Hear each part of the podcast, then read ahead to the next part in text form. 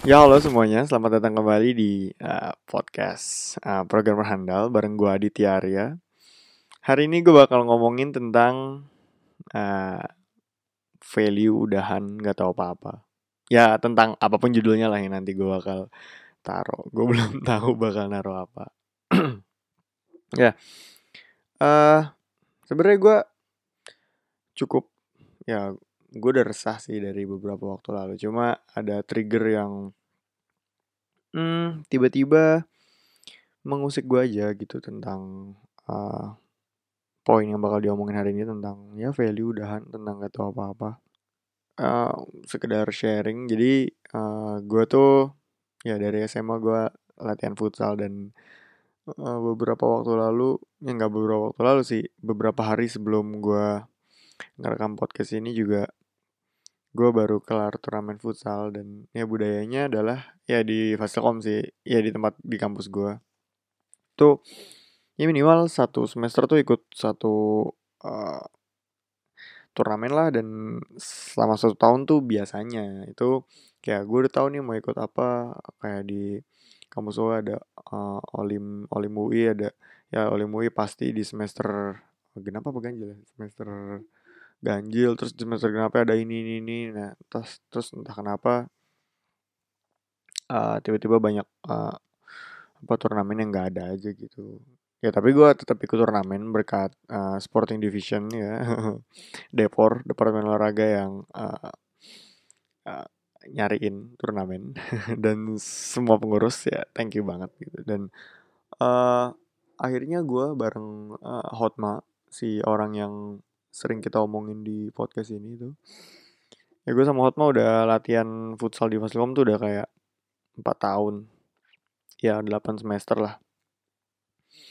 Ya pada akhirnya dari oh, generasi gue cuma ada dua gue sama Hotma doang gitu dan uh, kebetulan turnamen terakhir yang gue ikutin kemarin yang ya alhamdulillah uh, runner up 2 ya peringkat 3 nggak juara tiga karena juara tuh cuma satu sih saya runner up gitu. Uh, itu adalah hmm, turnamen terakhir kebetulan kompetitif turnamen kompetisi terakhir yang hmm, bisa gue ikutin bareng Hotma kalau lulus gitu. Nah kalau lulus besok gitu. Nah cuma nggak tahu kan nah, Tuhan berkehendak seperti apa doain aja gitu. Nah uh, itu menjadi trigger gue gitu karena uh, ya gue hmm, senang aja gitu. Gue pernah ada di kondisi di mana gue tuh ya berarti kan gue 2000 berapa? Gue 2015 berarti kan junior gue ada 2016 17 18 gitu. Nah gue, gue pernah nih ada ngerasain kayak berarti kan yang mabanya 2018 kan? Nah terus gue juga berarti ya dulu gue pernah ngerasain gue 2000 15 berarti 2015, 14, 13, 12 gitu. Nah, waktu 2012-nya jadi senior, itu waktu gue maba ya mereka bawa gue uh, juara tiga terus ya gue masih maba gue udah uh, dibawa juara tiga eh dibawa runner up dua lah sama ya peringkat tiga sama senior senior gue gitu padahal gue belum bisa apa-apa mungkin gue mikir kayak gitu terus senang aja entah kenapa di tahun terakhir gue gue bisa ngulangin apa yang senior senior gue kasih ke gue dulu. Ya walaupun gue nggak tahu sih junior junior gue rasanya kayak gimana gitu. Dan walaupun gue nggak jago senior senior gue dulu. Nah itu gue mikir gue entah kenapa nih entah kenapa gue senang aja gitu sama tim gue yang terakhir kali gue bermain bersama. Sejujurnya gue seneng banget. Padahal seniornya cuma ada gua ya beberapa lah gitu kayak nggak banyak banyak banget. Kalau dari tahun-tahun sebelumnya seniornya jauh lebih banyak segala macam gitu. Cuman entah kenapa gua ah uh, senang aja gitu. Dan uh, gua menyadarinya baru di pertandingan terakhir gua di atau latihan bahkan latihan terakhir gua di uh, Perfasilkom ini karena uh, sayangnya pada pertandingan terakhir gua cedera ankle. Jadi gue nggak bakal, bakal bisa main lagi. Nah. Uh, di situ gue baru ngerasain kalau ya uh, dari cerita tadi ya gue baru ngerasa kalau gue punya suatu uh, value dari uh, tim gue gue punya value maksud yang di sini tuh maksudnya kayak ya gue seneng gue seneng uh, sama mereka gitu sama siapa pun lo yang ngedengerin mungkin lo ada junior gue cuma gue seneng bermain dengan lo teman-teman. Nah. Uh, dari situ gue kembali di motor gue berpikir di motor. Di situ gue kembali uh, menyadari kalau uh, ternyata semua hal tuh ada value-nya gitu. Bener gak sih ya yang nggak tahu sih menurut gue menurut gue ini kan keresahan gue ya. Semua hal tuh ada value-nya. Entah value-nya tinggi entah value-nya rendah entah uh, berharga nggak berharga itu value menurut gue cuma pasti ada value-nya. Value itu menurut gue ya kayak apa ya uh, ya mau mau setinggi tingginya serendah rendahnya gitu. Atau minus bahkan itu menurut gue value. Nah semuanya ada value nya dan itu sama aja kayak kena apa sih yang apa aja sih yang uh, termasuk dalam value menurut gue setelah gue rasain tuh ya kenangan kenangan tuh punya value. Entah itu berharga banget buat lu ketika terjadi waktu udah lewat gitu. Ada lagi yang value-nya tuh juga nggak kalah tinggi ya uh, sesuatu yang lu perjuangin. Pada waktu itu ya nanti gue cerita sih tentang uh, tim gue sampai bisa kemarin dapat peringkat tiga tuh juga uh, gila sih menurut gue dan uh, harapan juga menurut gue uh, punya value yang cukup gede gitu. Nah, gue punya pelatih nih pelatih gue yang ngelatih gue dari gue maba. Dia seorang bandar, entah bandar apa, silahkan konfirmasi ke manusianya. Uh, dia bilang gini, manusia itu cuma bisa ngelakuin dua hal. Uh, berharap sama berharap sama berjuang gitu. Nah, since tadi kita bilang value-nya harapan itu tinggi, ya lu akan berharap dan harapan itu punya value, makanya lu harus berjuang. Dia bilang kayak gitu. Nah, uh, itu yang seringnya terjadi yang bikin orang tuh ya mau berjuang, mau fight, mau ngasih effort segala macam dan sedikit cerita. Jadi kemarin tuh uh, satu grup ada empat orang, eh satu grup ada empat tim, terus yang lolos tuh bakal dua uh, dari setiap grup. Nah, gue tanding berarti kan kalau berempat grup uh, setiap tim bakal ketemu masing-masing. Jadi satu tim bakal tanding tiga kali gitu. Gue lawan tim A tim B tim C. Lawan tim A gue seri. Lawan tim B gue uh, menang jadi lawan tim A nih gue main hari uh, Selasa Selasa apa ya? Nggak salah Selasa. Terus lawan tim B sama tim C gue main di hari yang sama itu main di hari Kamis. Nah waktu lawan tim B gue menang. Waktu lawan tim C nih kalah. Nah di akhir kekalahan itu yang kami tuh satu tim udah menganggap kecuali pelatihnya ya kita udah menganggap uh, di hari Kamis itu eh, ini pasti nggak lolos ini kita udah kita udah kalah gitu. Terjadilah pengakuan-pengakuan dosa kayak misalkan uh, ya sorry gini gini gini gini hot malah bullshit segala macem uh, belum bisa ngasih apa bla bla bla bla bla gitu. Gue juga bullshit lah. Ketahuan dong gue ya gue bullshit lah kayak misalkan uh, ya sorry bla bla bla bla bla semua tim uh, ya udah kita ngerasa kalah aja gitu. Uh, dari yang tadinya kita mikir uh, kita punya harapan nih kita punya tujuan. Satu tujuan gue pengen juara satu kayak gitu. Terus di hari Kamis itu tuh tiba-tiba hilang hilang gitu aja. Dengan kita berasumsi kalau uh, oh udah apa pun yang terjadi dari uh, sisa pertandingan lawan segala macam itu nggak bakal uh, ngerubah apa-apa buat kita. Ya ya udah harapannya kosong aja gitu. Value-nya habis gitu. Dan ternyata enggak. Satu-satunya orang yang masih percaya kalau tim ini bakal lolos tuh cuma pelatihnya doang. Nah, pelatihnya juga ya dia dia dia dia melakukan pengakuan dosa juga gitu. Cuma entah kenapa dia bilang, e, eh, gue masih percaya kok kalau uh, kita bisa lolos, kita bisa lolos kayak gitu. Dan ternyata waktu malam nih di saat hari Kamis itu gue gue mikir oh di hari Jumat gue karena kalau lolos kan hari Jumatnya uh, main kan gitu. Gue mikir oh nih di hari Jumat gue akan istirahat gue akan kuliah dengan baik dan benar gitu. Terus tiba-tiba dikasih kabar kalau timnya lolos gitu. Langsung lolos Jumat main lagi.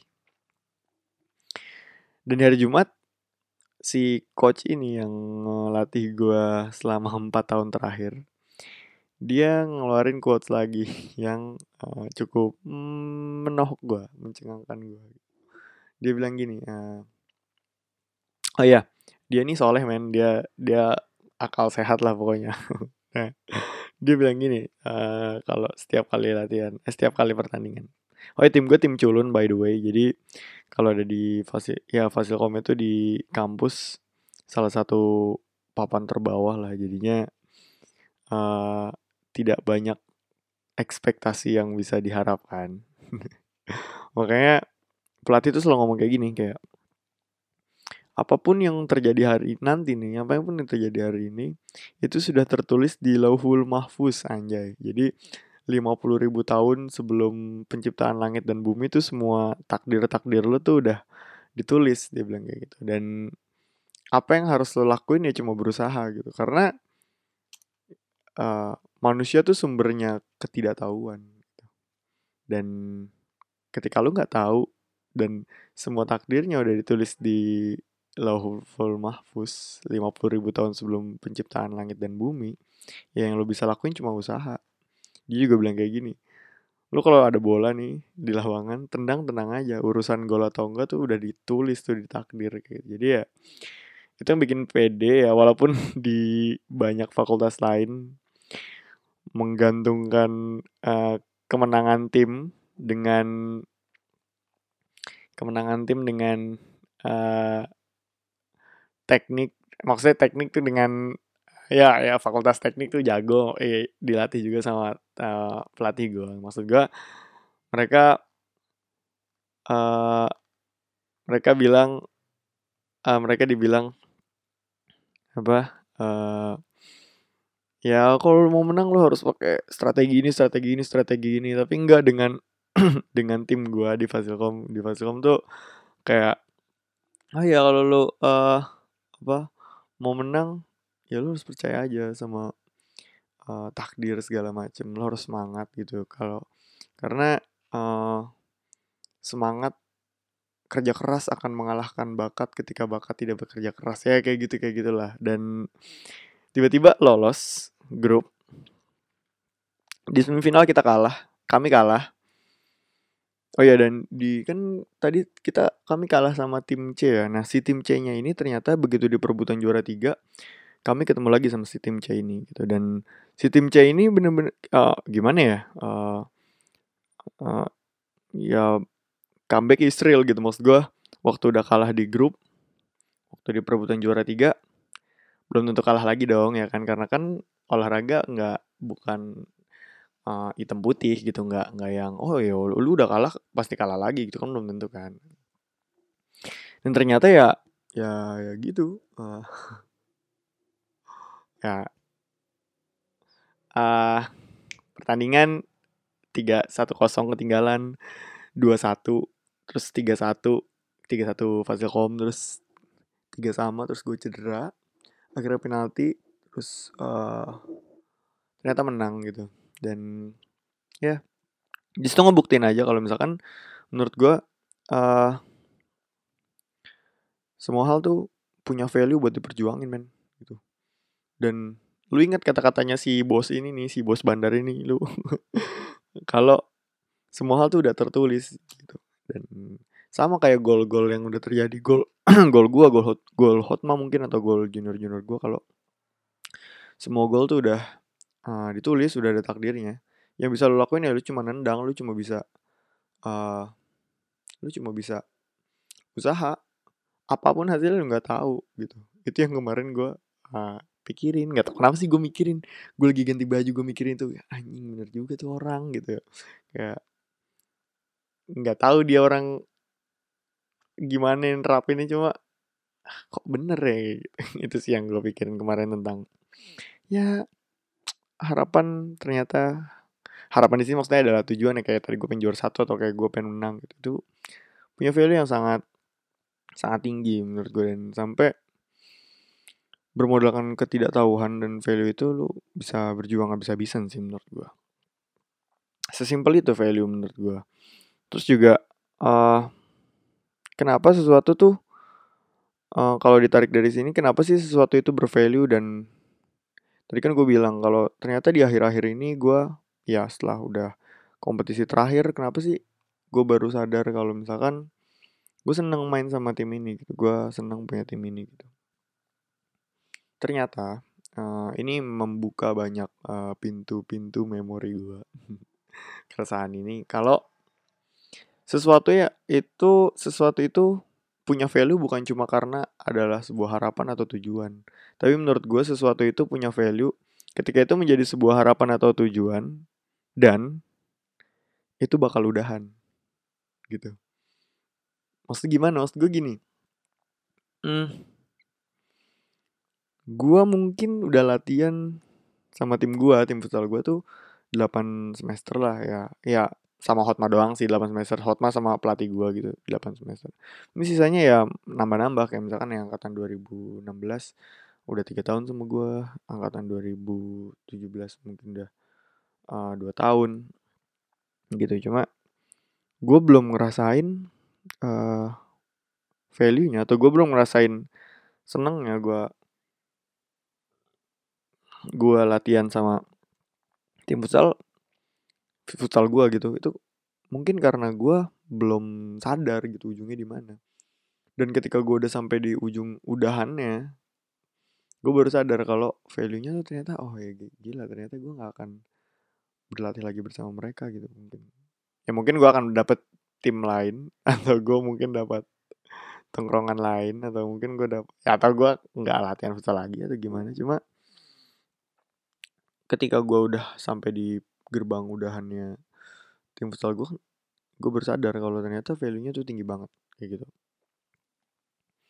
Ini juga uh, terjadi sih nggak cuma di futsal ya walaupun berhubungan dengan olahraga sih. Jadi uh, sekedar sharing tentang uh, value dan udahan ini. Jadi gue tuh uh, dari maba gue tuh ya gue suka berorganisasi. Walaupun SMA gue nggak organisasi sih gue cuma kayak kepanitiaan gitu doang. Ya.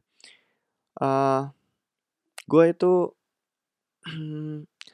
cukup uh, sulit awalnya beradaptasi di kampus di semester semester awal sekarang gue semester 8 di semester semester kayak semester satu gitu gue cukup sulit beradaptasi karena gue lahir dari sebuah SMA yang hmm, bisa dibilang gimana ya?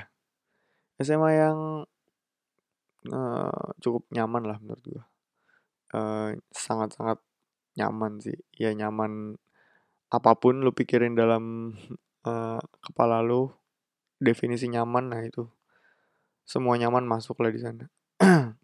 Keberagaman uh, eratnya keluarga dan toleransi beragama tentang pola pikir segala macem. Teman gue ada yang agnostik ada yang ateis gitu. Wah sangat menyenangkan lah di sana gitu. Dan gue butuh waktu untuk beradaptasi dengan lingkungan kampus gue gitu. Entah kenapa. Padahal ya gue gue gue bisa bilang kampus gue juga nyaman juga sih gitu. Akhirnya gue mencari ya kalau misalkan ternyata gue nggak bisa hmm, bersama dengan ratusan orang empat ang empat angkatan lebih segala macem, ya gue mencari sebuah tim kecil aja gitu di organisasi yang mungkin sepemikiran sama gue gitu. Kayak gini deh, kayak gue pernah nemu di Twitter uh, ada yang bilang close friend Instagram tuh isinya bukan close friend, bukan teman yang dekat tapi isinya adalah teman-teman yang memiliki halal dan haram yang sama gitu. Jadi kayak kalau misalkan ngomongin bokep gitu di story uh, pasti dan dimasukin ke close friend pasti isi close friendnya itu ya orang-orang yang menghalalkan bokep kayak gitu. Ya kurang lebih kayak gitulah. Ibaratnya pemikirannya sama dan gue mencari itu gue mencari uh, orang dengan kesibukan yang sama dengan hobi yang sama dengan pemikiran yang sama dengan gue gitu. Dan akhirnya gue hmm, daftar gue daftar bem sotoy-sotoyan gue sih waktu itu. Gue nggak tahu bahkan itu bem apa bedanya sama osis gue nggak tahu pada zaman itu. Soalnya di kepala gue bem ya uh, demo-demo lah. Eh, gimana sih anak SMA baru kan? Nah. oke gue udah daftar bem. Departemen olahraga namanya. Jadi ngurusin semua tentang perangkat-perangkat olahraga di uh, kampus di Fasilkom khususnya. Nah. gue waktu itu ber hmm, bersepuluh ya harusnya ber, ber hmm, cuma kan ada ya ya satu ketua eh, sepuluh anggota. Cuma ada satu kayak HRD PSDM gitu. Terus ada uh, atasnya apa ketua dep kadepor lah. Jadi total kita bertiga belas gitu. Nah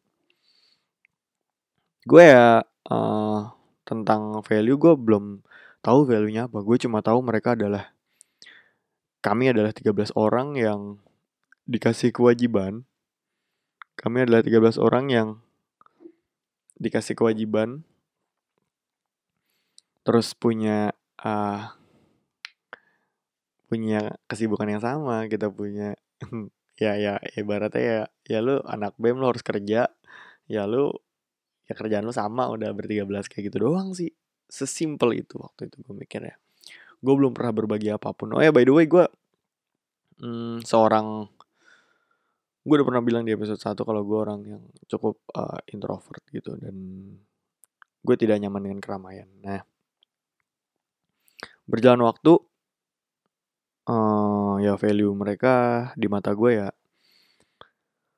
tidak tinggi tidak berbeda dengan tim futsal pada awal-awalnya. Gue nggak terlalu me mempercayakan apa pun lah gue bisa bilang. Kayak gue orangnya mengeluh ke apa ya mengeluh ya mengeluh. Cuma gue nggak pernah uh, mengeluh tentang hal yang deep gitu ke orang-orang yang gue nggak terlalu percaya. Jadi ya gue nggak berbagi apa pun dalam kurun waktu awal-awal gitu. Tapi uh, sampai akhirnya gue sadar kalau uh, orang-orang itu beda gitu. Hmm, si departemen olahraga itu. Kalau uh, entah kenapa kita rame nih kita bertiga belas rame. Tapi gue nyaman beramai-ramai di sana gitu. Sifat introvert gue tidak terganggu. Di situ gue baru sadar kalau ternyata hmm, ada hal lain. Ada hal yang lebih dari sekedar kita cuma 13 orang yang punya kewajiban sama. Kita 13 orang yang uh, punya kesibukan yang sama mungkin. Atau bahkan mungkin kita adalah 13 orang yang uh, punya hmm, kepedulian yang sama gitu terhadap satu sama lain. Nah, gue inget banget uh, kalau sat, jadi BEM itu satu satu tahun kan. Di, dan dibagi dua paruh paruh maksudnya dua semester semester ganjil sama semester genap gitu. Nah ya maksudnya semester satu sama semester dua lah gitu. Di semester satu gue hmm, hmm, share nothing. Gue nggak gue nggak nggak nggak berbagi apa apa gue gue cuma ya sekedarnya aja lah gitu. Tapi bener-bener di pertengahan semester itu gue pertengahan semester ya pertengahan tahun itu gue mm, langsung berbagi banyak hal. Gue memberitahu perasaan gue gue ya gue merasakan mereka berbeda lah gitu. Dan value-nya ya kalau dari 100 mungkin jadi kayak ya dari 2 sampai sekarang udah kayak kayak 55 lah kayak gitu. Sampai uh, kalau di departemen olahraga di kampus gua, itu kalau di ya di Fasilkom lah, itu, uh, puncaknya adalah ketika ngejalanin Olimpiade UI, Olim UI namanya. Si Olim UI ini biasanya sekitar 30 hari, satu bulan. Dan hampir semua ada sekitar kalau di Fasilkom tuh ada 11 cabang olahraga yang kita ikutin dan 11-11-nya tuh adalah di, uh, Olim UI untuk diperlombakan ya udah gue dari acara ke acara yang ada di Fasilkom, ada dari acara-acara yang ada di uh, Olim UI, ya gue ngejalanin aja. Kenapa? Oh ya, kenapa gue ngambilnya departemen olahraga sih? Kenapa gue nggak ngambil departemen lain atau kayak di Fasilkom tuh ada namanya Ristek Research and Technology. Uh, apa sih? Research, Reset and Technology. Kan Fasilkom banget kan gitu. Yang gue pikirin tuh adalah uh, gue udah capek Senin sampai Jumat. Terus gue juga mesti belajar lagi di luar Senin sampai Jumat. Gue atau kayak uh, di jam kuliah gue gue udah capek belajar. Masa gue belajar lagi? Kayak gitu. Itu yang uh, mencegah gue ya yang akhirnya gue ngambil departemen olahraga gitu. Dan gue seneng gitu. Dan kesenangan gue jauh-jauh jauh ber, meningkat berkali-kali lipat ketika udah uh, di semester yang kedua gitu ketika gue udah menyadari kalau oh orang-orang ini adalah orang-orang yang uh, valuable buat gue valuable di sini tuh maksudnya kayak uh, ada bagian hati gue yang diisi sama mereka gitu. Nah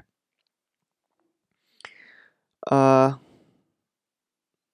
gue makin nyaman ngejalanin ngejalanin tuh gimana sih? Ya kalau di Fasilkom tuh uh, Depor dep ya de Departemen Olahraga Depor tuh kayak ada aja acaranya. Sabtu pagi gue mesti datang ke lapangan. Bukan lapangan Fasilkom sih maksudnya lapangan kayak lapangan UI minggu pagi mesti datang kayak ya gue bisa pagi-pagi eh hari libur bangun pagi terus tidur lagi gitu loh. Tapi gue dari rumah gue ke kampus aja 50 menit naik motor nggak pakai macet dan uh, gue harus ngelakuin itu. Tapi gue entah kenapa gue enjoy aja gitu. Mungkin karena value-nya udah jauh-jauh meningkat dari sebelum-sebelumnya gitu. Dan gue datang pagi gue ngejalanin kerjaan gue. Ya gue datang pagi seneng. Gue ngejalaninnya seneng capek uh, berkeringat makin hitam gue. Uh, waktu terbuang hmm, waktu ngerjain tugas terbuang terus ya banyak lah yang dirugikan. Uang terbuang keringat segala macem. Begitu hari Sabtu itu rundownnya kelar ya udah. Seneng juga karena ya, ya, ya tadinya capek sekarang jadi nggak capek kan. Gue bisa istirahat gue bisa main PUBG pada waktu itu. Ya gue kira uh, ya udah seneng. Gue datangnya seneng jalaninnya seneng berakhirnya seneng gitu. Karena ketika gue uh, udahan di hari Sabtu itu gue bisa bilang ya udah slow besok juga hari Minggu gue bakal ketemu mereka lagi gitu. Di acara yang sama segala macem kayak gitu. Dan di Olim juga kayak gitu. Oh ya udah hari ini gak ada pertandingan oke. Okay. uh, seneng dong gue bisa pulang gitu. Tapi kalau misalkan ada pertandingan ya ya capek. Eh tapi slow gue ketemu sama uh, eh, 13 orang gue gitu. Gue ketemu Depor uh, gue seneng. Mereka nge-recharge gue lah. Itu yang bisa gue bilang kayak gitu. Dengan value gue yang masih 55 gitu. Tapi bodohnya gue adalah gue baru menyadarinya ketika Hamin 3 penutupan Olim itu pada waktu itu. Nah Hamin 3 penutupan Olim gue baru sadar kalau uh, selama ini ternyata gue seneng seneng terus. Gue, seneng terus kan kayak ya setiap masalah setiap kerugian tuh pasti ada sisi positifnya lah walaupun dikit gitu. Ya walaupun gue datang sabtu pagi capek tapi positifnya adalah gue bisa ketemu mereka gue bisa uh, sharing gue bisa hmm, cerita cerita lah segala macem gitu. Gue bisa ketawa lah segala macem. Nah begitu tugas gue kelar di hari itu gue juga seneng karena ya seneng lagi gue bisa istirahat gitu walaupun acara di hari itu udah berakhir gitu. Gue toh juga masih ada hari esok kan gitu. Tapi di Hamin tiga penutupan Olim gue baru Olim UI disebutnya Olim Olim ya Olim.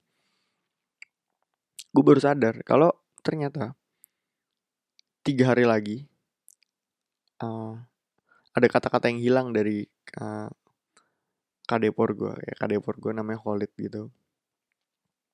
Uh, Khalid tuh selalu bilang gini dulu uh, ya terima kasih udah datang hari ini uh, yang telat uh, yang telat jangan lupa bayar pakai makanan. Oh ya pada waktu itu uh, kalau telat tuh disuruh bawa makanan gitu. Nah terus terima kasih yang udah datang hari ini. Uh, yang telat jangan lupa bawa makanan besok.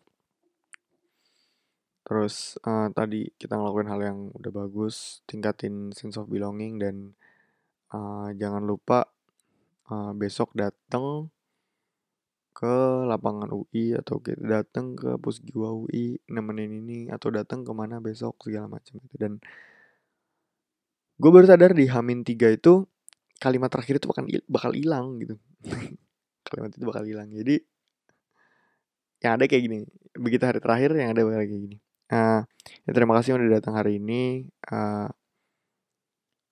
uh, yang telat ya bakal bawa uh, roti makanan atau apa. Kita udah ngelakuin hal yang uh, baik. Kalian udah you are all doing great jobs gitu. Terus ya udah. Nggak ada lagi kata-kata menenangkan yang bilangnya besok kita akan ketemu lagi. Kita besok bakal janji di sini kita besok bakal gini kita besok bakal kayak gini gitu. Gue baru sadar itu. Jadi uh, ternyata yang bikin gue seneng di akhir setiap aktivitas itu adalah ketika gue sadar kalau besok tuh gue masih sama-sama sama mereka gitu. Dengan value yang 55 tapi di Hamin 3 penutupan Olim yang mana itu proker terakhir kan proker pamungkas. Itu gue baru sadar kalau ternyata itu ujung udahannya itu uh, itu udahannya semua hal pasti berakhir. Semua hal ada udahannya, apa pun. Dan ketika gue tahu udahannya ada di depan mata gue, cuma kayak dua kali, eh tiga kali 24 jam lagi, itu value-nya langsung 99. Maksud gue, apa ya, ketika lu sadar, sesuatu tuh ada udahannya, dan lu harus sadar kalau sesuatu tuh ada udahannya, itu value-nya bakal jauh-jauh-jauh meningkat sih itu yang sama itu hal yang sama yang gue rasain. Ketika uh, eh, gue bareng tim futsal gue tadi. Kalau ternyata semua hal bervalue entah lu sadarin apa enggak. Dan apa yang bikin lu sadar? Ketika lu sadar kalau semuanya bakal udahan. Apa pun. Mungkin mungkin tim futsal lu mungkin tim futsal yang lu benci misalkan. Misalkan seniornya bangsat atau tim apa lu? Tim proyekan lu tim mata kuliah lu. Itu menurut gue ada value nya dan mungkin akan jadi kenangan yang manis aja sih ke depannya. Mau itu tim lu uh, bangsat lah nggak jelas selalu ada udahannya gitu. Tapi di saat yang bersamaan ketika lu ngerasa itu adalah kenangan terindah lu kayak anjir ini tim terbaik yang udah pernah gue milikin. Udahan tuh bakal jadi malah petaka sih menurut gue karena kayak gini deh kayak lu punya tim 10 orang atau lu punya siapa pun lah ya lu atau lu punya apa pun hari ini di detik ini gitu. Ketika udahan semua udahan nih balik lagi kita tadi gue bilang semua udahan semua ada akhirnya semua ada udahannya ketika semua udahan uh,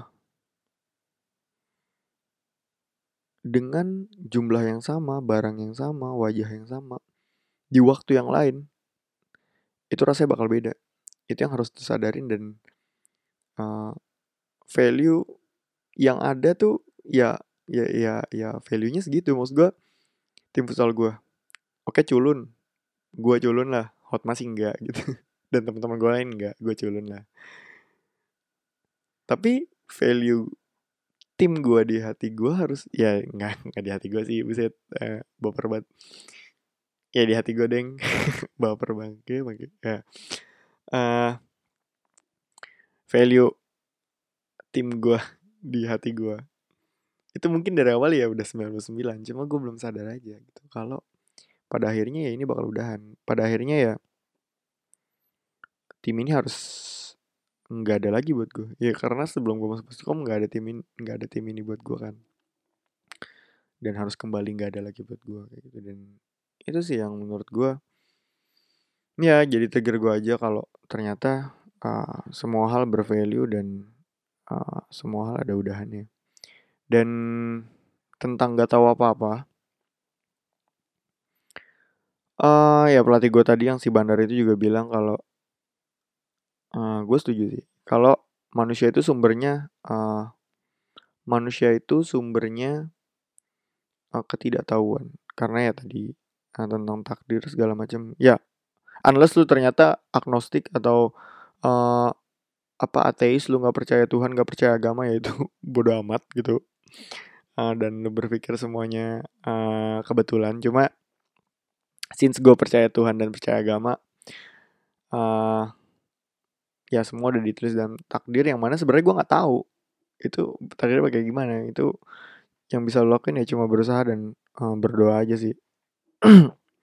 Karena karena menurut gue ketidak ketidaktahuan itu enak loh.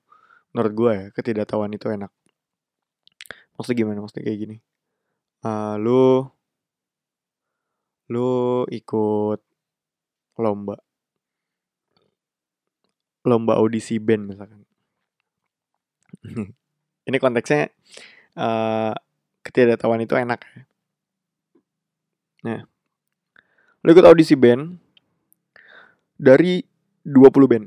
Nah yang bisa tampil cuma tiga juara dan satu juara favorit. Nah yang mana ternyata juara favorit ini misalkan tampilnya sebelum gestar misalkan misalkan gitu tapi lu nggak tahu dan lu nggak tahu apakah bakal lolos atau enggak begitu lu habis audisi lu ternyata langsung dikasih tahu nih lu lu, lu dikasih tahu lu kelar nih udah main jadi kelar. Terus dikasih tahu nih baru buat keluar studio tanpa dinilai mungkin atau apa uh, bro nanti lo juara tiga ya seneng dong harusnya ya kan? Karena ya semua band yang audisi pengennya tampil pengennya juara gitu. Ya nggak sih? Ya nggak sih? Ya kan? Nah lu dikasih tahu gitu. Jadi begitu nanti hari pengumuman 19 bandnya belum tahu tapi lu udah tahu. Lu seneng seneng dong ya kan? Nah tapi kalau misalkan lu ternyata audisi begitu kelar lu nggak dikasih tahu. Lu cuma dikasih tahu satu hari sebelum pengumuman nih begitu satu hari sebelum pengumuman lu dikasih tahu dikit. Dikasih tahu informasi tapi di dalamnya tetap ada ketidaktahuan. Tadi gue bilang di awal ketidaktahuan itu enak ya kayak uh, cuy band lu uh, masuk tiga besar gitu. Ada infonya nggak ada dong infonya. Tapi tetap ada ketidaktahuannya nggak ada ketidaktahuannya. Lu bisa juara satu dua tiga gitu. Senangnya double. Lu seneng dikasih tahu masuk tiga besar begitu nanti pengumuman ya lu seneng. Uh, ya juara tiga aja seneng gimana juara dua atau juara satu kan gitu. Ketidaktahuan. Terus kita berdoa wah berdoa berdoa berdoa gitu. Begitu hari pengumuman ternyata lu juara favorit yang tampilnya paling malam ya kan? Ngerti kan maksudnya? Ya ya ya sama-sama lolos sama-sama mungkin sama-sama juara tiga cuma kan senengnya lebih-lebih gitu. Ketika lu nggak uh, tahu dulu baru tahu gitu. Dan ya tapi terkait keterhubungan antara value uh, udahan dan gak tahu apa-apa ini agak tricky sih. Karena ketika lo nggak tahu ya ketika lo value tapi lo nggak tahu udahannya di mana value-nya nggak tinggi terus kalau value tapi lo tahu udahannya berarti kan nggak nggak tahu apa-apanya nggak ada kan. Itu juga agak hmm, ya agak agak gimana ya agak ya agak hambar mungkin. Cuma gue nggak bilang hambar agak hambar. Ya ibaratnya lu naik arung jeram tapi lu udah tahu nih ntar di sini ada batu ntar kita bakal terbalik di sini ntar bakal kayak gini bakal kayak gini ya. Kenikmatan arung jeramnya bakal berkurang kan karena lu udah sadar begini lu sadar kayak gitu gitu. Sama by the way uh, pada tahun selanjutnya ya kan udah berakhir tuh yang Hamin tiga Olim. Olim berakhir kami semua menangis bersedih gitu. Emang baper bangke. Nah gue depor lagi sebagai kadepor di tahun selanjutnya. Ya udah kayak yang gue bilang tadi gue udah tahu semuanya. Yang bisa gue pastiin ke anak-anak gue adalah ya anak-anak gue eh, eh, anggota-anggota depor gue adalah kalau semuanya terbatas gitu kan. Ya gimana sih? Nggak semua orang kan sense of belongingnya ke tim uh, setinggi itu kan. Dan ya gue menyampaikan gitu. Yang gue sampaikan di sini di situ adalah uh, hmm, tentang value udahan dan gak tau apa-apa.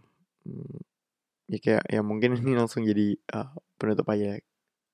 Biar ya agak keren gitu sih sekali-sekali ditutup pakai quotes. Ya waktu itu gue gue bilang kayak gini di tengah-tengah uh, masa perdeporan gue sebagai kadep ke anak-anak gue yang mungkin lagi demo segala macam gue bilang kayak gini hmm, kalau kalau misalkan nih bareng depor tuh 360 hari ya kan? Misalkan bareng depor lu punya waktu 360 hari 365 hari. Nah setiap setiap hari itu lu uh, asumsiin A bagaikan eh lu andaikan setiap harinya dari 365 hari itu adalah sebuah permen yang dibungkus gitu. Nah, setiap hari lu bakal makan permen. Misalkan sekarang hari pertama ya lu makan permen pertama, hari kedua makan permen kedua sampai hari ke-360. Nah, makan permen enak dong ya kan. Ya permen enak gitu. Uh, make sense kan. Nah, sama kayak lu ngejalanin uh, hari-hari lu di depor gitu. Uh, setiap hari lu bakal makan permen lu, lu bakal nikmatin permen itu sampai habis, sampai besok lu makan permen lu lagi gitu. Dan lu nikmatin lagi permen yang lu punya. Tapi uh, yang harus lu sadar adalah ketika lu uh, makan satu permen, lu bakal menikmati permen itu. Tapi di satu di sisi di sisi di sisi yang sama, di waktu yang sama, uh, satu permen yang lu makan tuh lu sedang mengurangi satu permen lagi dari kantong yang lu punya. Jadi akan ada saat di mana ketika lu makan satu permen dan lu nggak bisa ngambil permen lagi dari kantong yang ternyata udah kosong kayak gitu. Dan ya uh, lu nggak tahu rasa permen yang lu makan itu apa lu nggak tahu setiap harinya mungkin rasanya bakal kayak gimana. Tapi yang lu tahu cuma ya yang perlu lu tahu kalau permen itu terbatas gitu untuk apa pun. Untuk depor lu mungkin untuk tim futsal lu untuk tim apa pun lu untuk lu bersama siapa pun lu bersama temen lu lu bersama pacar lu mungkin suami lu istri lu. Gue nggak tahu cuma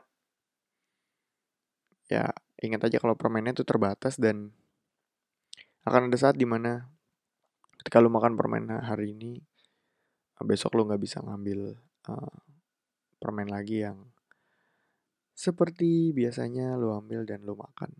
Kayak gitu sih. Kayak itu ide dari gue. Dan ya sampai ketemu di episode selanjutnya.